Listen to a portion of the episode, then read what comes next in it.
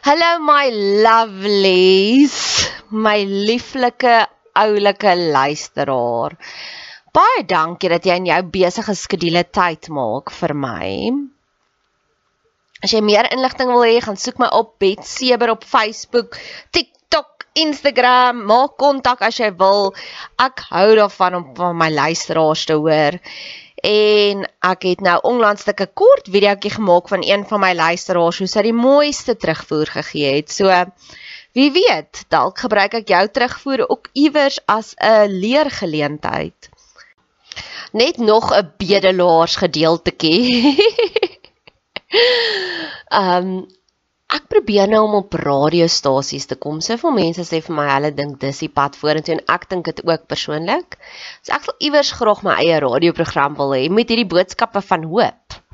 So luister hierna en as jy voel meer mense moet dalk hiervan hoor, ehm um, ag, doen my 'n guns en stuur dit vir 'n radiostasie. Sê jy luister na hierdie podcast of potgooi en dit inspireer jou so en jy dink ek sal 'n aanwins wees vir hulle. Ek sien in Pretoria gebaseer, so as dit 'n Pretoria Gauteng se radiostasie is, nog beter.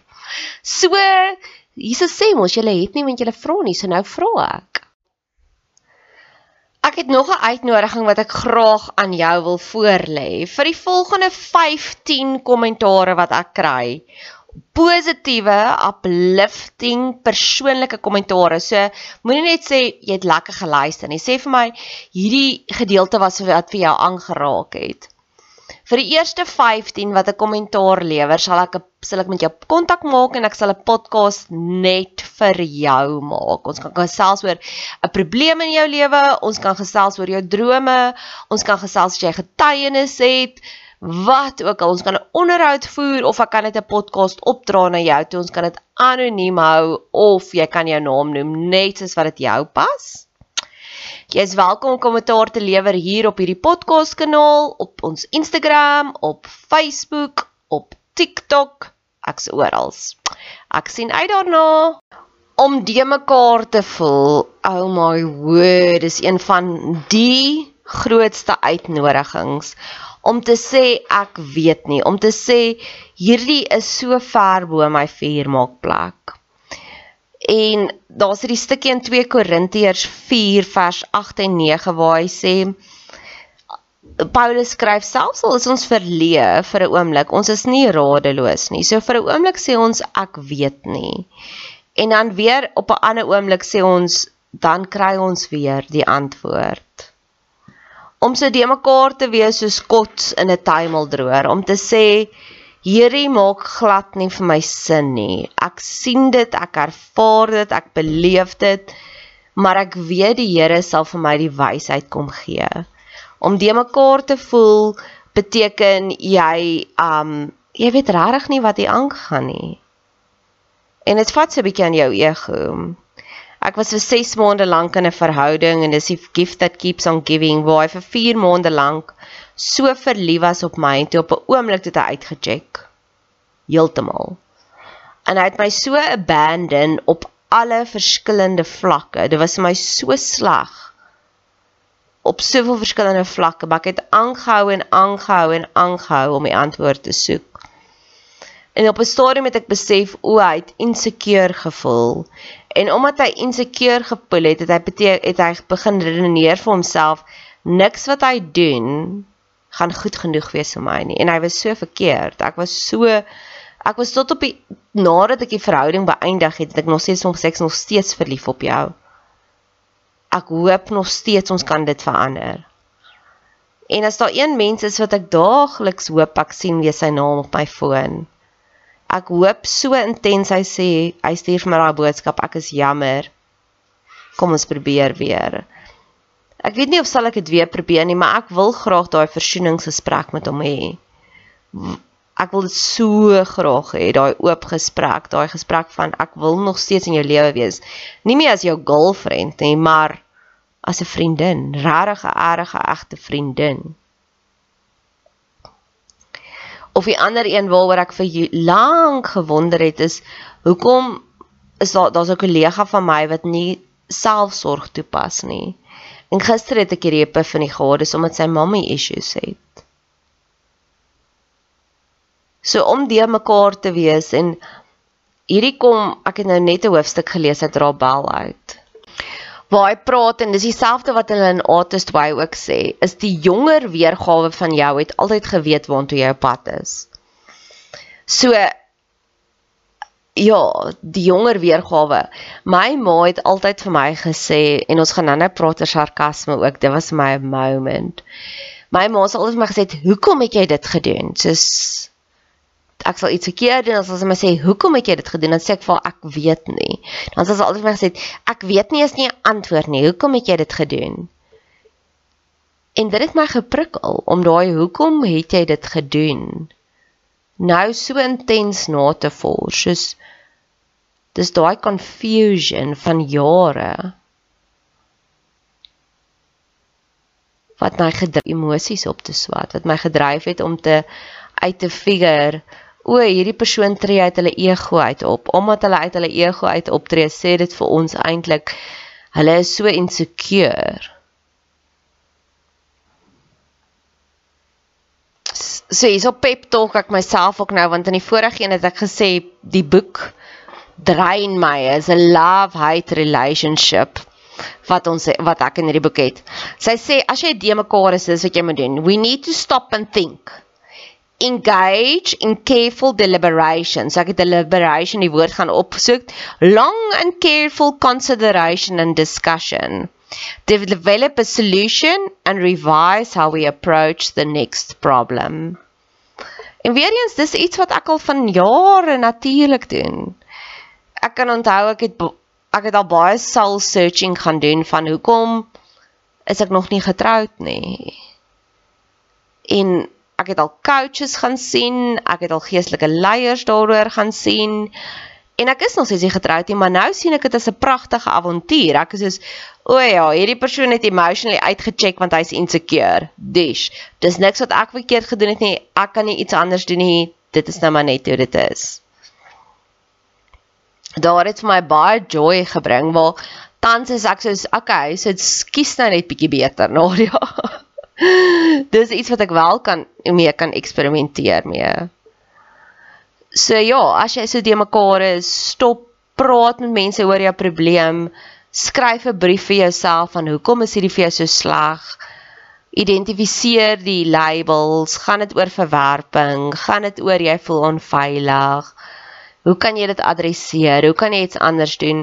Een van my flirts tans vertel en hy sê my werk deur die hele Desember vakansie shame. En hy vertel van hoe is daar een kollega wat net grumpy is. So dan koop hy elke dag maar net vir my happy meal om te hoop dalk is hy nou happier. Maar hy het nou ook opgehou daarmee. Van jy kan nie daar's sekere dinge wat buite jou beheer is, maar jy kan iets omtrent probeer doen. Jy kan dit probeer verander. En dis eintlik die joy om te sê ek het iets omtrent gedoen. Dan gaan sy aan oor hierdie ek gaan hierdie net vir jou lees. Confu comfortable learning environments rarely lead to deep learning. So sy sê dit moet bietjie moeilik wees. Die ongemak moet bietjie daar wees. Too much confusion can lead to frustration, giving up, disengagement or even boredom. Nou dit is daai konsep van om die baba saam met die badwater uit te gooi, nê? Nee? Wanneer dinge net te moeilik gaan. Ja, ek geniet ook 'n klein bietjie van moeilikheidsgraad. Ek het in die week het ek my wasmasjien gefiks en dit was 'n puzzle, maar dit was nie te onmoontlik nie. Dit was nie die motortjie wat gegaan het nie. Dit sou vir my te erg gewees het. Ek sou nie geweet het hoe om dit te doen nie. Maar dit was net 'n 'n 'n 'n 'n waterpypie wat geskeur het en toe nou die regte oplossing daarvoor te vind. Moeilikheidsgraad soos ek is eintlik so bietjie honger, maar ek weet as ek nou gaan eet, gaan ek my hele metabolisme opneek. So ek het daai bietjie van ongemak nodigheid, maar nou maak ek vir my koffie net om die tools te kry. So daar's 'n fyn balans van ja, 'n bietjie ongemak is goed. Want ek sal baie keer mense spoon feed En dan besef ek ook dan kom hulle nie by die antwoorde uit wat hulle moet uitkom nie. So dis nogals iets waarmee ek baie struggle, staan net staan net 'n stappie weg dat hulle moenie vir hulle lewe probeer fix nie. Maar moet dit ook nie te moeilik maak dat hulle alleen raak nie of dat hulle nooit by die antwoord uitkom nie. My my ouers was die perfekte voorbeeld daarvan van hulle was hulle het die baba met die badwater uitgegooi. Hulle was te taaf. Hulle wou sterk kinders grootmaak, maar met my het hulle dit heeltemal oorboord gedoen. So ek het skade gekry van abandonment.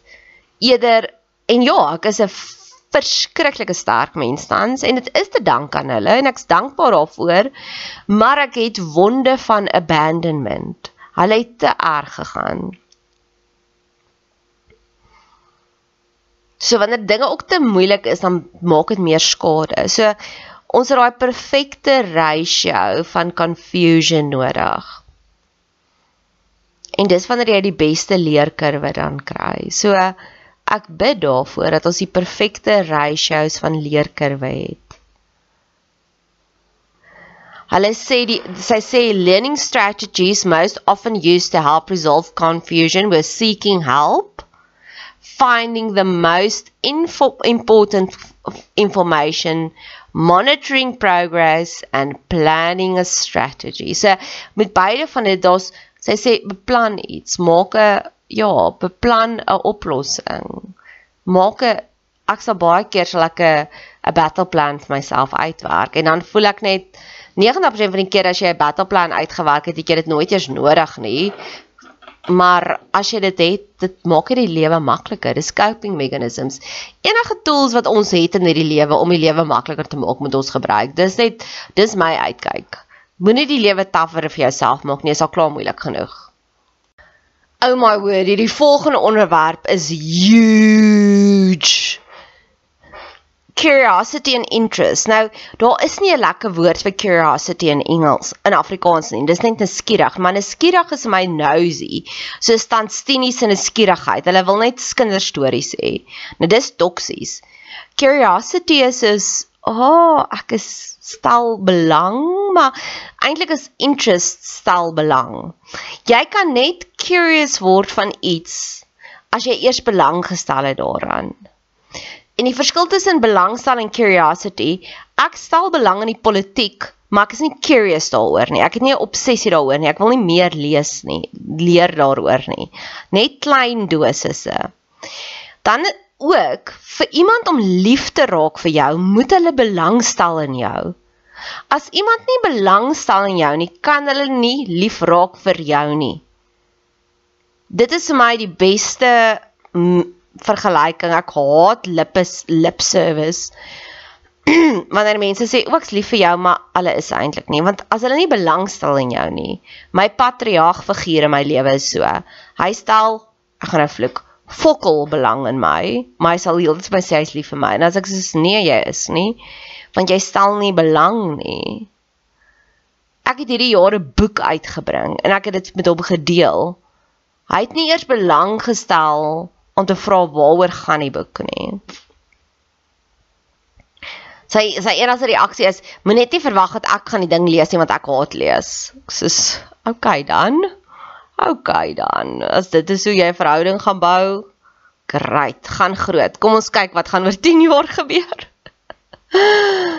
ja, so om belang te stel in iets. Oh my word, so ek dink ek moet net herhaaldelik myself herinner dat hierdie boek is goed vir my. Want dis dieselfde patrone oor en oor en oor wat sy hierso sê. It turns out that curiosity is an irreducible component of courageous leadership. Hmm, weer eens, hoe om invloedryk te raak? Hoe om iemand te kry om jou te volg? Stel belang in hulle dan gaan hulle jou natuurlik volg. Nie om 'n diktator te word om te sê jy met my volg nie, nee. Stel belang, sê hoekom doen jy dit? Geniet jy jou vakansie? Het jy genoeg gerus? Wat was vir jou die lekkerste? Dis so belangrik. En dan kyk ek na mense wat regtig waar kontrol freaks is en dan besef ek ja, dis omdat jy net niks belangstel nie. Obviously gaan mense jou nie dan wil volg nie. God is in this place. Ek het nou net gesê weer eens, oh, Here, dankie. Ek werk so lekker. Dis regtig waar een van daai lekker dae van dinge flou. Dit vat nie te harde werk nie. Ek love dit. dit ek het energie. Ten spyte van energie eintlik, want ek het te laat geparty gisteraand en gister het ek nogals gesukkel om podcast te maak. En ja, eergisteraand het ek goed geslaap en gisteraand het ek eintlik nie te goed geslaap nie. Maar dit wys net as die Here hier is, dan gebeur alles net so lekker. Amazing. Prys die Here. Curiosity seems to be both a trait and a state. So 'n trait, 'n karaktereienskap of 'n of 'n 'n consciousness waarin jy bly. Dis beide van dit. So sekere mense is nou maar net natuurlik meer nuuskierig en hulle sien verwondering in alles. Joernaliste is so, my een joernalis vriendin is net so amazing. Hoe sy regtig net belangstel in alles en dis wat 'n goeie joernalis maak. Of iemand wat regtig lief is vir mense, hulle stel regtig belang in mense. Maar is ook 'n consciousness level, né? Nee? Soos joy is my consciousness level. Dit is 'n dis 'n tipe van 'n awakening en ek ek glo dat 'n gelowige, as jy 'n ware gelowige is, gaan jy curious wees oor die lewe. Jy gaan daai belangstelling in uitoefen. As jy gaan kyk na Jesus, hoeveel keer het hy met vrae geantwoord? Soos hoekom doen jy dit? Wat soek jy? Hy het regtig belang gestel in mense. Mense was regtig vir hom interessant. So ek glo dis 'n godly eienskap. So ek bid dit sommer nou vir almal rondom my. Want mense wat hy dood is, ons gaan nou net praat oor dood want hierso praat sy baie van is 'n tipe van 'n lewe, 'n eienskap van vol, om te volle te lewe. Hulle stel net nie belang nie. Hulle vra nie follow-up questions nie. Hallo, hoe gaan dit? Goed, dankie met jou. Goed, dankie. Nee, sê vir my hoekom gaan dit goed? Sê vir my wat was my wat was jy die lekkerste van jou vakansie? Sê vir my wat hou jy die meeste van jou kind? Sê vir my wat het jy geëet gisteraand by die restaurant? Hierso is ook 'n baie groot punt. Curiosity seems to involve both feeling and thinking, while interest is really more about thinking. So dis dalk 'n gebed wat ons kan bid vir die kinders om te sê mag hulle curious wees oor hulle skoolwerk. Want om net belang te stel beteken dit is net 'n 'n kop skuif. Maar wanneer jy curious is, soos dis vir my lekker om dinge van jou te ontdek. Dit gee vir my joy wanneer jy vir my read to me a chapter of your soul every night. Dit gee vir my joy as jy dinge met my deel. Dis nie net ek wil dit doen, ek wil dit weet nie. Dis die verskil tussen mense wat net inligting versamel net wat hulle jou mee kan blackmail. Dis net 'n kognitief, maar wanneer jy curious is, gee dit vir jou joy wanneer jy iets uitfigure vir jouself. Jy mag almal 'n natuurlike curiosity rondom hulle het wat lei tot joy.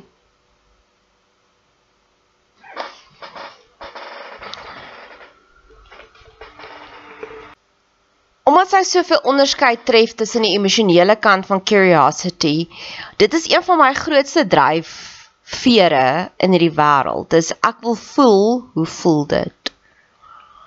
Ek wil voel hoe voel dit om deur die psalms op te bestudeer. Ek wil voel hoe voel dit om vir 'n jaar lank vooruit podcast te hê. Ek wil voel hoe voel dit om vir 'n jaar lank vooruit TikToks te hê. Om daai vryheid te hê. So dit dryf my want ek sê ja, ek wil voel voel dit. Want ek kan onthou die eerste keer wat ek regtig vir so self accomplished gevoel het, was toe ek in Sanet 6 was en ek het ek het so 'n verskriklike groot geestelike upgrade gekry. Ek het gesukkel in die laerskool om om goeie vriendinne te maak. Ek het al die losers aflertjies gehad. En toe ons aan dit 6 toe kry ek 'n nuwe vriendekring En hulle was so gedrewe dat my akademie het sommer baie ek het akademiese ereklere gekry waar op laerskool was ek average 70s. En toe voel ek hoe voel dit en ek kan onthou ons het Oos-Kaap toe gegaan daai April vakansie en ek het gery en ek het so accomplished gevoel in die kar want ek het maklik daai 80% gekry. My laerskool het ek my gat afgesukkel. En dit het net alles so maklik gebeur. Dis daai organic en daai voel voel dit het my gedryf my nou nog wat ek weet hoe dit voel as jy accomplished is.